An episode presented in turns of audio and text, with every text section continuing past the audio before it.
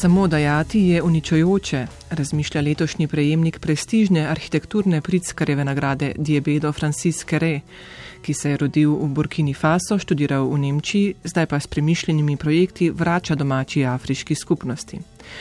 Zgradbe gradi z lokalnimi materijali in v sodelovanju s tamkajšnjimi prebivalci. Ključno pa se mu zdi predvsem spodbujati razmišljanje, Francis Kere je bil leta 2009 predavatelj na 27 piranskih dnevih arhitekture in tedaj se je z njim pogovarjala Neva Zajc. Kako je razmišljal, boste slišali na začetku oddaje. Sledil pa bo pogovor z arhitektoma Andražem Keršičem in Danico Sretinovič, tudi publicistko, ki sta Kereja leta 2016 intervjuvala za revijo Outsider. Francis Kere živi v Berlinu, kjer je tudi študiral ob pomoči štipendije nemške vlade. Kljub temu, da v Burkini Faso ni veliko lesa, se je specializiral prav za to področje, na to pa kasneje opravil še nemško maturo in doštudiral arhitekturo. Zakaj se je odločil ostati v Nemčiji?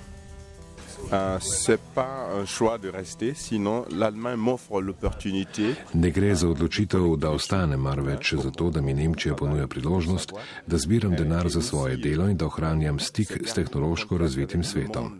Nemčija je za Evropo gotovo zgledna prav v tem, da iz Nemčije posredujem svoje izkušnje in ustvarjam transfer za prenos obojega, sam pa sem nekakšen most med dvema svetovoma, Burkino, ki je na samem začetku razvoja, in vašim svetom, kjer je vse dostopno - izobraževanje, tehnologija in denar. Pri prenosu si prizadevam, da ta ni kopiranje, marveč stvari prilagajam potrebam mojih ljudi v Afriki. Na konferenci ste veliko govorili o tem, kako Afrike ne razumemo, kako si nekatere stvari razlagamo na robe in kako pomoč veliko krat ni prava. Kaj očitate razvitim, ki pomagajo Afriki? Euh, le plus souvent, les projets qui se passent se passent en principe sans les Africains. Večina projektov pomoči nastaja brez udeležbe Afričanov. Menim, da je priprava in izvedba projekta, v kateri ne sodeluje ljudje, ki jim je namenjena, napačna. Videli smo, da ne deluje. Vzemimo primer, vi pridete, zgradite objekt in odidete. Ko se bo pojavil problem, mu domačini ne bodo kos. Čakali bodo vas, če boste spoh prišli. Dogaja se, da dobivamo zelo sofisticirane stvari, ki potem nimajo pravega vzdrževanja, ker ni sposobnih ljudi. Nadomestne dele je treba uvažati. Vse to ni rešitev za državo, ki velja za eno najrevnejših na svetu. Razvitim očitam še, da ne znajo ustvariti dialoga s prijemniki pomoči. Naši politiki pa ne znajo odkloniti pomoči, ki ne služi ničemur in ustvarja le nekakšno odvisnost. Vaši ljudje pa si ne vzamejo časa, da bi preučili, kaj je resnično dobro za naše Afričane. Vi delate drugače. Kakšen je vaš koncept? Ouais. En principe, pour être franc, il n'y a pas de concept derrière ce que je fais. Če sem odkrit za tem, kar počnem, ni koncepta. Gre preprosto za željo, da pomagam, da uporabim to, kar sem se naučil v Evropi, v dobro mojih ljudi. To je leitmotiv. Seveda odkrivam sproti, ko uresničujem projekte, da je za vsem tem vendarle tudi koncept. Se pravi, ko učim mlade gradbenih spretnosti, jim pomagam, da dobijo delo in za življenje zaslužijo sami. Ugotovil sem tudi, da je upeljevanje tradicionalnih znanj v nove projekte pomembno tudi zaradi ponosa, ki ga doživljajo ljudje ob tem. Saj jim s tem priznamo, da je to, kar vedo in kar imajo, priznano in vredno. Ljudje so navdušeni, radovedni zanima jih prihodnost in do nje se opredeljujejo z velikim optimizmom. To je vse, kar sem naredil. Vselej omenjate tudi dialog, ljudje ga potrebujejo. Seveda, ljudje hočejo vedeti, kaj se dogaja in želijo si sodelovati in prispevati svoje ideje. Biti hočejo pravi partnerji. Kot sem že rekel, svet govori, da gre pomagati Afriki, Afričano pa ni nikjer. Nihče jim ne da besede, da bi povedali, kaj želijo in kaj potrebujejo. Pomoč, kakršno poznamo, je dobrodošla, ko pride do katastrofe. Za trajnejšo pomoč pa je nujno, da so vanjo upleteni tudi domačini. Kaj ste naredili doslej? Le concept, c'était d'aider mes gens, d'utiliser les matériaux locaux. Osnovna zamisel je bila, da pomagamo ljudem, da uporabimo lokalne materijale, ki bodo zdržali na dolgi rok in da se lotimo najprej zgradb namenjenih otrokom in učenju. Najprej sem torej želel šolo. Ko sem prišel v Berlin, sem spoznal, da je vse mogoče. Svojim staršem nisem znal razložiti, kakšna je Evropa. V moji domovini mislijo, da tečete v Evropi imeti mleko in da se denar pobira na cesti. Veliko krat sem se obadal z vprašanjem, kako razložiti Evropo ljudem, ki ne znajo ne brati, ne pisati in ki mislijo, da bodo prišle iz Evrope vse rešitve. Spoznal sem, da je edini način za spreminjanje našega sveta izobraževanje. Zato sem začel šolanje. Načelo pri gradnji te šole je bilo, da ste imeli veliko pomoči tamkajšnjih ljudi. Vsa vas je bila tam. Vsi so delali, mladi, stari, celo otroci. Zato pravim, da sem samo dirigent, ki mora uporabiti talent vseh ljudi, kajti ljudje so talentirani. Tako nastane lep projekt. Pri nas v Afriki je skupnost zelo pomembna. Ljudje vedno sodelujejo med seboj. Nihče ne more preživeti sam. Pri nas smo vajeni veliki velikih družin, ki vse počnejo skupaj. Zgradijo hišo, pomagajo sosedom, obdelujejo zemljo. Na to načelo pripadnosti sem se oprl pri izvedbi šol. Pa še na lokalne materijale.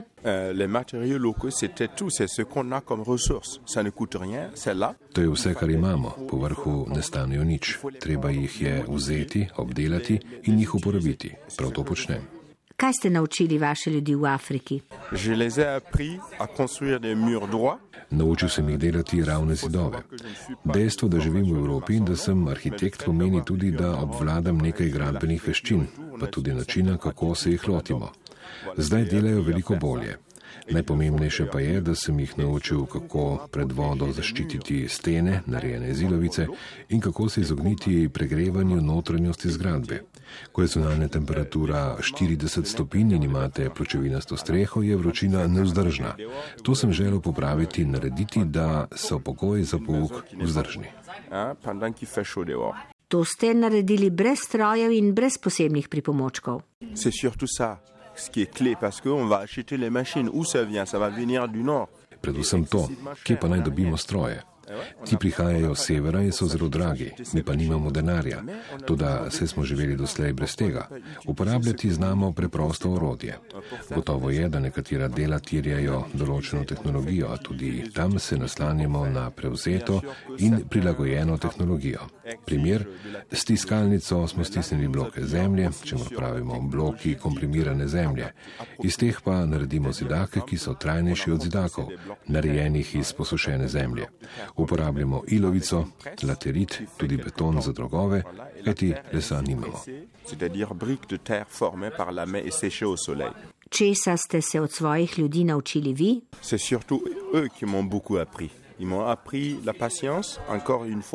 Veliko sem se naučil, predvsem pa potrpežljivosti. Znova sem se naučil ceniti svojo kulturo. Za primer ne navedem glasbo, ki je del kulture, ima pa tudi praktičen pomen. Uporabljamo jo, ko delamo tla, ki jih obdelujemo ročno in z nogami, ko je treba delati v enakomernem ritmu. Takrat daje glasba tempo in ritem. Rezultat tega težavnega dela pa je neverjeten. Povsem ravna in gladka tla. Hkrati deluje glasba spodbojevalno in pomirjevalno, kajti to delo je zelo težaško. Odkril sem tudi solidarnost in srečo kljub revščini. V Evropi sem že več kot 15 let, pogosto delam s premožnimi ljudmi in jih primerjam z mojimi afričani. Nič nimajo, pa so vendar srečni. To so moje nove odkritja. Kadar grem v Afriko, predvsem namreč potujem, sem zelo utrujen od dela tu in od poti. Potem intenzivno delam, ker me oblegajo z vseh strani, toda ko se vrnem v Evropo, sem poln energije, kot bi se okopal v čarobni kopeli. Navdušenje, pogum in optimizem ljudi me prežemajo z neverjetno energijo. L'optimisme des gens de chez moi qui me donne cette force et ce courage.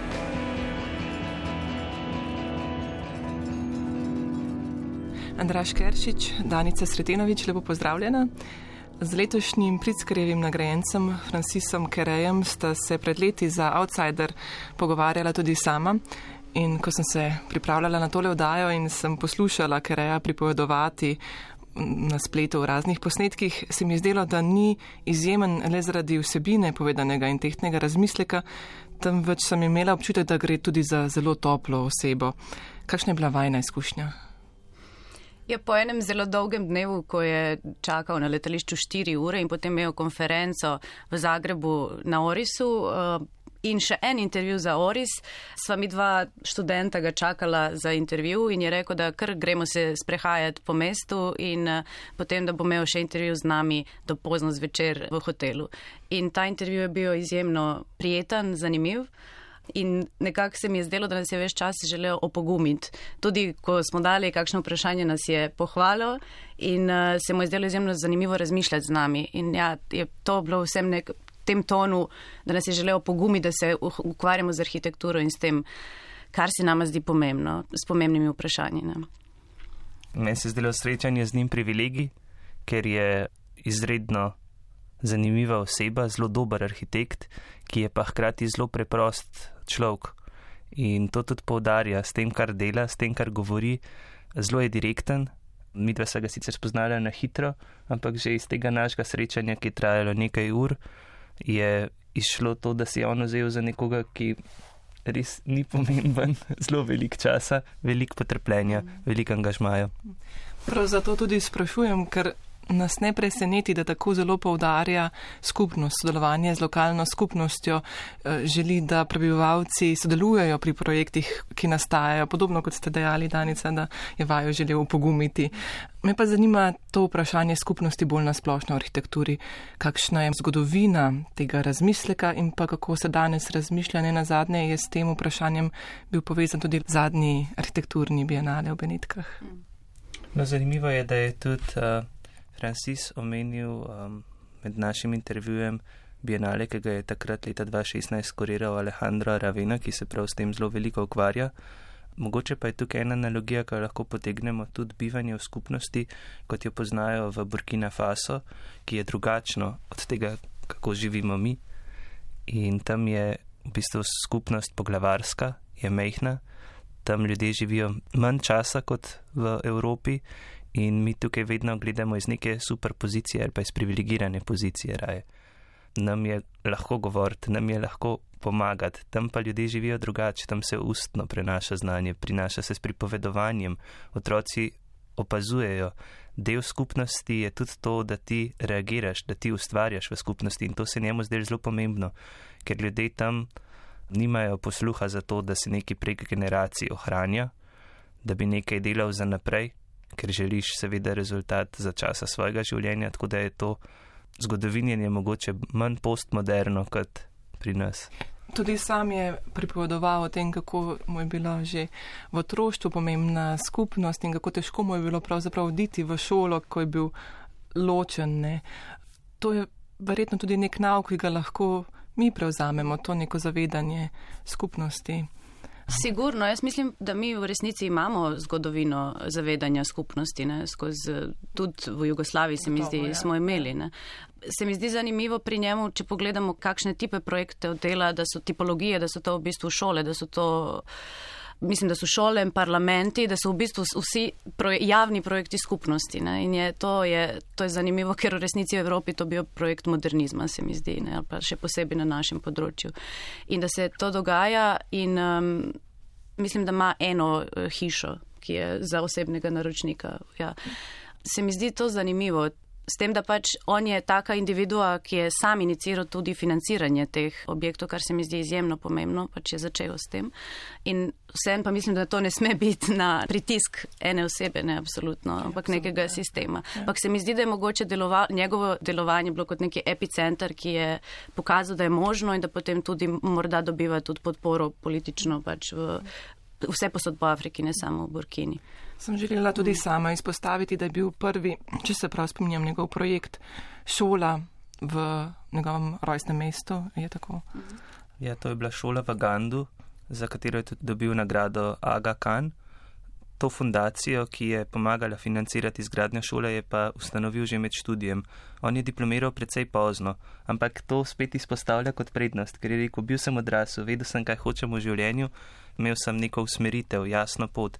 In spet, če se vrnemo nazaj k skupnosti, kupuje recimo z lastnim denarjem stroj za ročno izdelovanje opek in to je bilo to, kar je prinesel vas. In ljudje so se angažirali, prispevali k temu, da je ta šola rasla, s tem so se na hišo navezali. On tudi povdarja v tem pogovoru, ki smo ga mi dva imela, da je zelo pomembno, da ti pripadaš skupnosti. In tudi, če gradiš individualno hišo, ni bistveno zato, da se imaš dober, da bivaš v dobri hiši, ampak da pripadaš skupnosti, da se dobro počutiš, kad del kolektivne skupnosti. Zdelo se mi je pomembno, kako privabi oziroma vključi lokalne prebivalce pri nastajanju zgradbe, kako tudi upošteva, da mora biti metodologija prilagojena, da ne bo to nekaj kompleksnega in bo potem propadlo in bodo rekli, hej, arhitekti iz Nemčije, tole si nam postavil, ne, zdaj pa ne dela več, vrni se. Kup enih razmislekov je tu, na kakšen način sodeluje. Ja, uh, meni se je zdelo zanimivo, kar je izpostavil v intervjuju in je citirala ga bom to, da spodbujam razmišljanje, je smisel tega, kar počnem. In on tudi začne govoriti sebe, predstavlja, da je on prvo član skupnosti, potem je pa učitelj, inovator in nekdo, ki ustraja in je pogon vsega skupaj.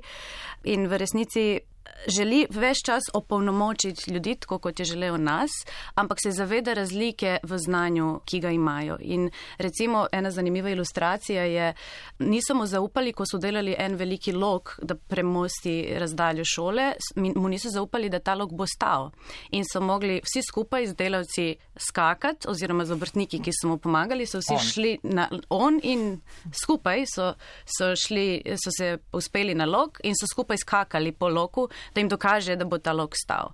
Tako da so izzivi, s katerim se on sooča, izredno zanimivi in mogoče nepredstavljivi za nas, ampak on to ne vidi kot neki disadvantage, kot neki, neko. Pomankljivost ja, uh, svoje skupnosti ima ogromno razumevanja za to razliko. Ne? In je tudi izjavo, da ja, ljudje v Burkini ne vejo, da so revni, dokler se ne začnejo primerjati z spremljati medije ali pač z zahodnim svetom. Ne? Zanimivo je tudi to, da neke običajne stvari prevrednoti in jim daje nov pomen, kar je točka prevoja njegove arhitekture, ker on recimo govori o tem, da je neka punčka, ki je opazovala delavce na gradbišču, ko so rezali vrče za vodo, s katerim gre njena mama desetkrat na dan iskat vodo za pitje, za umivanje, um, naenkrat ta vrč, ki je razrezan, postane okno v šoli, In to je polje možnosti, ki se odpre enemu otroku, in spet smo pri tem, da se v bistvu vsi izobražujemo skozi proces dela, kar je spet pomembno. Ljudi angažirati z delom, da so ustvarjajo skupnost, v kateri bivajo. Polje možnosti pa tudi eh, nek način opolnomočenja, bi rekla, s tem, ko uporablja lokalne materijale, ki so tam na vzoči, jih vsi poznajo, se jim ne zdijo nekaj prestižnega, ampak on jih uporabi na način, da te materijale vidijo o, pravzaprav gre za dragocene materijale, to, kar je naše, je nekaj vredno. Tako v Burkina Faso recimo ni lesa in večina njihovih tradicionalnih hiš je narejenih iz blata. Tam se hiše stopijo. Ta okoljski odtis je popolnoma drugačen od stavb, ki jih gradimo tukaj v Evropi, pri nas v Sloveniji. Bivajo predvsej bolj sonaravno. In zanimivo je, da les rab čas, da zraste. In spet smo pri vprašanju pojmovanja zgodovine, pojmovanja časa, ki je drugačen kot pri nas. Tam čas teče prek zgodb pripovedovanja in les, ki bi zrastel, ki bi bil dovolj dober za gradno, rab čas. Zdaj, to, kar imajo na voljo, je bambus. In zanimivo omenja, kako ljudje potem vidijo njegove zunanje hodnike v gimnaziji, ki so narejeni iz njihovega bambusa in reče, pa se je ta enor. Poglej, kaj je naredil iz tega bambusa. Ja, govorijo o neki inovaciji, ker so v sami skupnosti vedno replicirali ene in iste hiše, en in ist način gradnje. On je pa prišel, pa jim je pokazal, da je možno tudi drugače, če se zmešata z drugačno tehnologijo ali pa ne vem, eh, z cementom, z drugačnimi mešanicami dobiti drugačne, drugačno arhitekturo. In uh, ja, to se mi je zdel ta moment inovacije. Zelo pomembno pa je tudi pojmovanje tradicije v njegovem delu, se pravi njihove lokalne tradicije, pa tudi poznavanje zgodovine. Ko smo se srečali, je razlagal, da je ravno bral knjigo o Michelangelu, kako je zidal kupolo cerkve svetega Petra In rekel je, o, tako se je vlekel, ampak hotel sem počakati, da Michelangelo umre, to je trajalo 60 strani. Zanimivo, medtem ko so njegovi kolegi študenti potovali po Evropi, odkrivali Versailles, zgodovino arhitekture je on potoval po Potsdamu pod Berlino in gledal, kako so narejene hiše iz opeke, iz predindustrijske dobe, iz ročno narejene opeke, pogovarjal se z delavci, ki so imeli znanje in spet vidimo, kako lepa je ta prispodoba, ki jo lahko vidimo kasneje v njegovem delu. Spet gre za prenos veščin, prenos znanja, nekaj, kar je ročno narejeno, nekaj, kar ima drugačno vrednost, ker da nekdo s svojim delom pomen. In tudi ta odločitev, da postaviš najprej šolo, kar je nekaj, kar bo nadaljevalo, opogumljalo, izobraževalo, vračalo skupnosti, ne na zadnje. Ne. Spet kreacija, izumljanje, inovatorstvo, ampak na podlagi tega, kar že obstaja. Mhm. To je bil tudi povdarek v pogovoru in se mi zdi to tudi pomembno vedeti. Mm, ko govorimo o njegovem stalovanju s skupnostjo, je to en pomemben obrat v načinu razmišljanja, da ne gre zgolj za pomoč od zunaj, od daleč, prilagojeno pravzaprav nam samim bolj kot skupnosti. Se mi pa zdi, da ta podoben obrat morda zasledimo marsikje. Recimo meni je na misel prišla dokumentarna fotografija, tudi tam so se pojavili poskusi vključiti upodobljene v grajenje lasne podobe, če tako rečem. In tudi on podobno opolnomoči lokalno prebivalstvo, ko jih aktivno uplete v nastajanje zgradbe in ne gre za nekaj od zunaj danega. Recimo, prav v intervjuju je nama odgovarjal na podobno vprašanje. Takrat so bili te projekti še toliko bolj aktualni, leta 2016, ko se je v Afriki zelo veliko gradil in to so bile odprave šol, institucij, ki so donirale material, znanje na konc koncev, ampak nekako končane produkte ali pa projektirali so se tukaj, zgradili tam. In namen je zelo dober. To dobro voljo, kot pravi on, je treba ohraniti, ampak ustvarjati je treba tam, na lokaciji, z lokalnim prebivalstvom, zato da pride do prenosa znanja, ki je v bistvu ključno. Če tega ni, nisi nič naredil. Ja, on pravi, da je zgolj dejati uničujoče in zato zelo nasprotuje prefabrikatom in je zato toliko bolj pomemben način materialnost njegovih stavb in to njegovo sodelovanje. In istočasno je povedal, da je zelo nasprotuje sončnim celicam v Afriki in jih ne vidi kot prihodnost, zato ker jih uvažajo iz Kitajske. In um, se mu zdi, da je res pomembno vsem omogočiti enake možnosti in dostopno izobrazbo. In zato, zato začne v bistvu vsako svoje predavanje s tem, da pojasni, da v Burkini veliko, 80% ljudi ne zna pisati in brati. In da njegova vloga je predvsem edukatorska, predvsem v delu z njimi in izobraževanju in prenašanju znanja. Ne. Poslušanje, ja. opazovanje je neke vrste ritual, skoraj obredno v njih, ja. njihovi kulturi. Zato tam stavbe delujejo drugače, odnosi med ljudmi so drugačni. In on recimo tudi omeni, da je to problem tudi teh projektov, ki jih prinesemo v Afriko, da je treba razmišljati kritično o vsem, kar se dogaja in da si je treba upati povedati tudi svoje mnenje, da je nujno, da se razmišlja drugače in spet smo pri širjenju horizonta. Mogoče še kakšen primer, kako je pristopil v kateri izmed eh, zgradb. Omenili smo te lokalne materijale. Pomembno je pa tudi, da se prilagaja tamkajšnjim vremenskim razmeram, ki so po eni strani je zelo vroče, po drugi strani pa so tudi deževna, intenzivno deževna obdobja. Spet lahko zelo humanistično zastavimo tudi odgovor na, na to vprašanje, ker on pravi, da je obdobje stvar, ki bi mogla biti na voljo vsakomor in spet se pogovarjamo o tem, kaj je revščina, kaj ni revščina recimo vedra z vodo, ki stojijo na hodnikih gimnazije, ki je zasnoval, deluje kot klimatske naprave. Če bi hotel tam kupiti dovolj klimatskih naprav, ki bi hladile šolo, bi bil to nepredstavljiv strošek. Zdaj z eno tako mehno stvarjo, ki je izum, ki je izum, ki je čista inovacija, pa zelo preprosta stvar, ki je vedro polno vode, pa ga lahko vsak odnese, uporabi za karkoli drugega, je to zelo ekološko, trajnostno, pa še brihtno. Meni se je zdelo zanimivo, ko smo ga vprašali, kaj je za njega ugodje.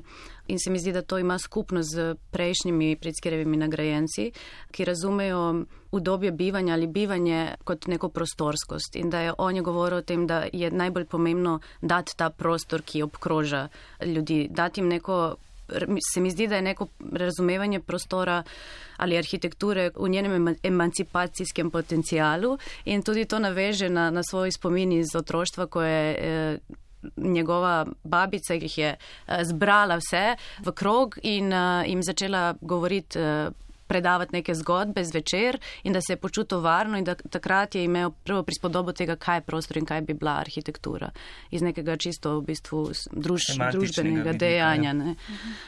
In se mi zdi pomembno, da, da, ker v bistvu je vprašanje tega ugodja, ki ga mogoče mi prepogosto razumemo kot nek luksus materialnosti same, ne? da ga oni razumejo in Lagaton Vazal, prejšnji nagrajenci in on kot sami tej dajanju prostora, kot neke platforme ali podlage za bivanje ljudi, kakršnokoli že bivanje. Ne? In da se v bistvu počutijo isto kot vsi drugi ljudi na svetu, ne? pač v neki šoli, če si jim dal šolo, ja? če ste zgradili šolo. Hotel sem samo še to reči, da je zelo duhovit. To je ena zelo duhovita oseba, o tem nisva nikoli govorila prej, ampak recimo, ko razlaga o teh primerih hiš, ki jih gradi, je razlagal tudi o eni hiši v Gani, ki je zgradila ena tradicionalna družina, ki se je hotela ugraditi od okolja. Vsak je hotel svojo hišo, vsak je hotel svojo sobo, ampak on je spet začel raziskovati, kaj to pomeni tipološko v tradicionalnem smislu, da so vsi zbrani okrog enega velikega dvorišča in potem je atrirat v središče družbenega srečevanja v tej hiši ene družine, ene zelo raščene družine.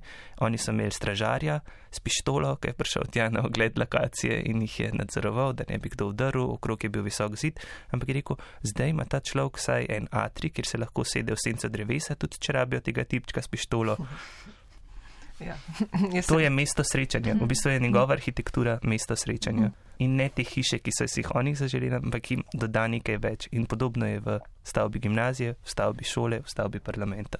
Zanimivo se mi je delo pa tudi njegovo naslanjanje na simbolizem povezan z Afriko, recimo kot primer se je omenjalo drevo kot prostor srečanja. Ja, kot je Andraš prej povedal, za, za kulturo njihovo je izjemno pomembno pripovedovanje in prenašanje znanja in izkušenj skozi pogovore. In eh, v bistvu se večina dogovorov je nastajala pod nekim drvesom, starešine so se pogovarjale pod drvesom. In eh, ko je dobo priložnost, da naredi parlament eh, Burkina Faso, je po moje naredil spet, mogoče je to tudi en humoren moment. Ogromno piramido uh, in v bazi piramide je v bistvu dvorana, kjer je 127 politikov, ampak stranice piramide pa delujejo kot ogromen trg. Z ene strani je park, uh, z druge strani pa so stopnice, mogočne in v bistvu ljudi nadzirajo, ker konec piramide je voto in ti nadziraš politike, ki so dol globoko v, v tleh. Vhodna avla samega parlamenta pa je zaznana z enim mogočnim drevesom, ki je pač prispodoba te tradicije, ne, pogovore v bistvu in dogovora predvsem. In se mi zdi to strašno zanimiv projekt, je pa ta projekt ostal uh, ni še izveden, je, je risba in je mislim, da tudi bil razstavljen na tem bienalu, ki ga je Andraš prej omenil od Aleksandra Ravene. Zanimiva se mi je zdela tudi njegova uporaba svetlobe. Prej smo govorili o vremenskih razmerah, pravzaprav je tudi ta svetloba oziroma vročina, ki z njo pride, ne, neka specifika tamkajšnjega okolja in kako on to mojstersko lovi ravnotežje med zagotavljanjem naravne svetlobe in pa preprečevanjem prevelikega segrevanja, previsokih temperatur. Se mi je zdel zanimiv projekt, ki ga sta ga z Ivanom Banom naredila, to je znan fotograf arhitekturni, ker sta objekte od Francisa natisnili na črnem papirju. In v bistvu zakaj črnem? Zato, ker, kot smo slišali prej, v Burkini ni veliko dreves in te njegove stavbe so nekako ustvarjanje sence in so temne. In je ta tema, ki jo pač potrebuješ, ne, ker je toliko svetlo in je iz, izredno močen kontrast med zunaj in znotraj.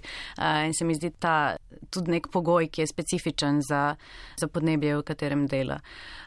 Dela pa tako, jaz imam občutek, Andraž, da so to uh, njegovi svetlobniki, ko pač ima ni direktna svetloba, ne, uh, da je tako kot če si pod drevesom, ker listje daje isti občutek. Ne. Ja, to je ta razpršena svetloba in on pravi, da je največje razkošje, ki ga človeku lahko daš prostor.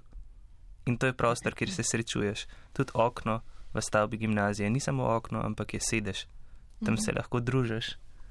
Se pravi, vse ima nek dodaten pomen in vse ima eno možnost točke prevoja. Mogoče spregovorimo še o tem, kako pa se je izoblikoval, kateri arhitekti so recimo vplivali na njega, lahko zasledimo kakšne take pogovoru z nami je ono meno Misa in Kana. Misa v smislu tega odprtega prostora, se mi zdi, tega momenta praznine, ki je v bistvu ga zelo težko dojeti. Mi, arhitekti, se pa več čas s tem ukvarjamo, kako mogoče to praznino, ki je v bistvu bojo ljudje polnili. Kan pa je glede materialnosti, ga je zelo pohvalil, ja, da je bil neka njegova inspiracija tekom študija, ampak se mi zdi, da je zelo, zelo unikaten v pristopu. Morda, če že želimo vleči neke usporednice, Glenn Merkett dela tako posvečeno klimi, klimatu in podnebju, recimo, a, kot dela Kere, se mi zdi, ampak njega ni omenil sam. Ja. Po mojem je spet tukaj a, pomemben prenos znanja in poznavanje tega, kar že obstaja, da lahko delaš drugače. On je omenjal hišo Lemke in rekel, da ima v sebi več kot baročna katedrala. To je ena zelo preprosta hiša, ki stoji na obali jezera v Brze v Berlinu za par, ki jo je naredil uh, Miss van der Rohe pred drugo svetovno vojno. To je pritlična opečna hišica, ki ima par okn. Narejena je cela iz opeke, nič ni odveč. Vsi rastri opeki se izidejo, danes je tam noter ena manjša galerija. V bistvu je razkošje lahko zelo skromno. In to je ena misel, ki, njega, ki se jo lahko od njega naučimo in jo nesemo seboj. Omenjala sta že pretekle pritskreve nagrajence, me pa vendar še zanima, se je izbor nagrajencev spreminjal skozi čas, kako, kaj morda povejo te spremembe, kako se ne nazadnje Franciske Re umešča v to zgodovino nagrad. Meni se zdi Pritzkerjeva nagrada dokaj konzervativna, ampak ima eno močno uh, PR-ovski moment je tu, za, v bistvu, ker nam odgovarja na to, kaj je dobro v arhitekturi in ima zelo širok doseg do ljudi, ker je tako kot Nobelova nagrada za vse, vse ostala področja. Oziroma Nobelova nagrada za arhitekturo. Ne? In uh, v enem trenutku je zelo spodbudila Star Architects, recimo te zvezdniške arhitekte in uh, komercialno arhitekturo. Zdaj se pa ta narativ iz, v zadnjih letih izredno spreminja in uh, mogoče, ker je celo desetletno zamudo dobijo to nagrado, ne? kar bi več pomenilo, če bi jo dobijo pred desetimi leti, ker, je, ker bi bil nek vzorčen primer za kako delati arhitekturo. Ampak vsekakor se mi zdi, da se njihova naracija tem, kaj je dobra arhitektura, spreminja v smislu sodelovanja skupnosti, sodelovanja, vključevanja narave, razumevanja naravnih procesov, razumevanja materijalov realnosti, kar je popolnoma drugi narativ od tega, kar je bilo recimo pred 15 leti. In je v tem smislu dobro, da je ta nagrada. Ne. Po drugi strani pa res moram izpostaviti, da spodbuja neke uh, vzorce o nekem enem mogočnem arhitektu, ki so popolnoma napačni, ker arhitektura je vedno delo skupine in uh, ni še dobila širša skupina te nagrade, ne. veliko širša od enega samega človeka. Tako da ja, to je. Poleg tega pa je prvi arhitekt iz Afrike, ki je dobil to tako, nagrado. Tako, ja. Um, ja, pomembno je razumeti, da jo je dobil zaradi svojega dela. Mm. Jaz mislim, da je to nujno povdariti. Mm. Tudi na strani zbornici sem prebral, da je prvi temnopolti arhitekt, mm. ki je mhm. dobil Prickarjevo nagrado. Ampak to niti ni tako zelo pomembno. Mm. To ga seveda definira, oblikuje, tudi ima neko posledico v tem, kako razmišlja o arhitekturi se pravi od tradicije, okolja, v katerem ustvarja. Ampak jaz mislim, da je pomembno razumeti to zelo globalno. Mi poslušamo stalno o globalnem segrevanju, o trajnosti v arhitekturi. In če je bila trajnost še pred desetimi leti to, da si hiše izoliral, se od narave ograjeval, zdaj mogoče prihaja doba novega baroka, ko spet želimo živeti z naravo, iti ven in um, na nek način spet rusojevsko zaživeti skupaj z okoljem, v katerem prebivamo. Tako da tukaj je, mislim, ena lepa istočnica, ki jo lahko najdemo v Kerejevi arhitekturi. Mogoče se mi da to povedno predvsem v smislu, da verjetno tudi za arhitekturo še vedno velja, da je znotraj tega polja laže uspeti belopoltim moškim, recimo, če tako malo uh, karikiram ali poenostavim, da je sistem zastavljen na način, da pravzaprav pri njemu so bile vse okoliščine njemu kvečemu v škodo, torej izhajajo iz težkih okoliščin, njegov uspeh je zelo. Sigurno, sigurno je to res. Bi pa tu omenila še eno širše delovanje tega arhitekta, kar lahko vidimo na njegovem primeru. Torej, njegov prvi projekt je v resnici bil fundacija, v resnici je bilo omogočanje lastnega dela. Torej, da pred arhitekturo je potrebno narediti še to, da je nekdo podpre. V njegovem primeru je to bil on, ker je imel toliko inicijative in želje, da to naredi. In uh, to ni Zaha Kadid, kateri pridejo ogromni investitorji zato, ker želijo brand. To je popolnoma drug način in zato se mi zdi pomembno, da on dobijo to nagrado in da o tem govorimo. Ne? Ker prihaja iz nekega popolnoma drugega konteksta in tudi potem drugačen kontekst ustvarja. Ali mi to lahko kopiramo v Evropo? Ne, po moje ne, ampak se lahko iznajdemo oporo v tem njegovem načinu in pristopu, kaj vse naj bi lahko bilo arhitektovo delo, ampak tudi družba ga mora prepoznati kot takega in nas podpreti. Ne, ne pa samo pričakovati, da bomo delali neke ne vem, uh, reprezentativne objekte. Jaz mislim, da gre za miselnost, ki jo lahko posvojimo. In to je to, o čemer on razlaga, ko predava, ko govori, ko piše. Diplomiral je leta 2004. To je tudi en časovni razpon, ki je zelo kratek. Če dobiš diplomo leta 2004-2022, Prickarjeva nagrado. To govori tudi o tem, kako sposoben mm. je. Ja, gotovo. Andraš Keršič, Danica Sretenovič, hvala za vajne misli. Ja, hvala za povabilo. Hvala vam.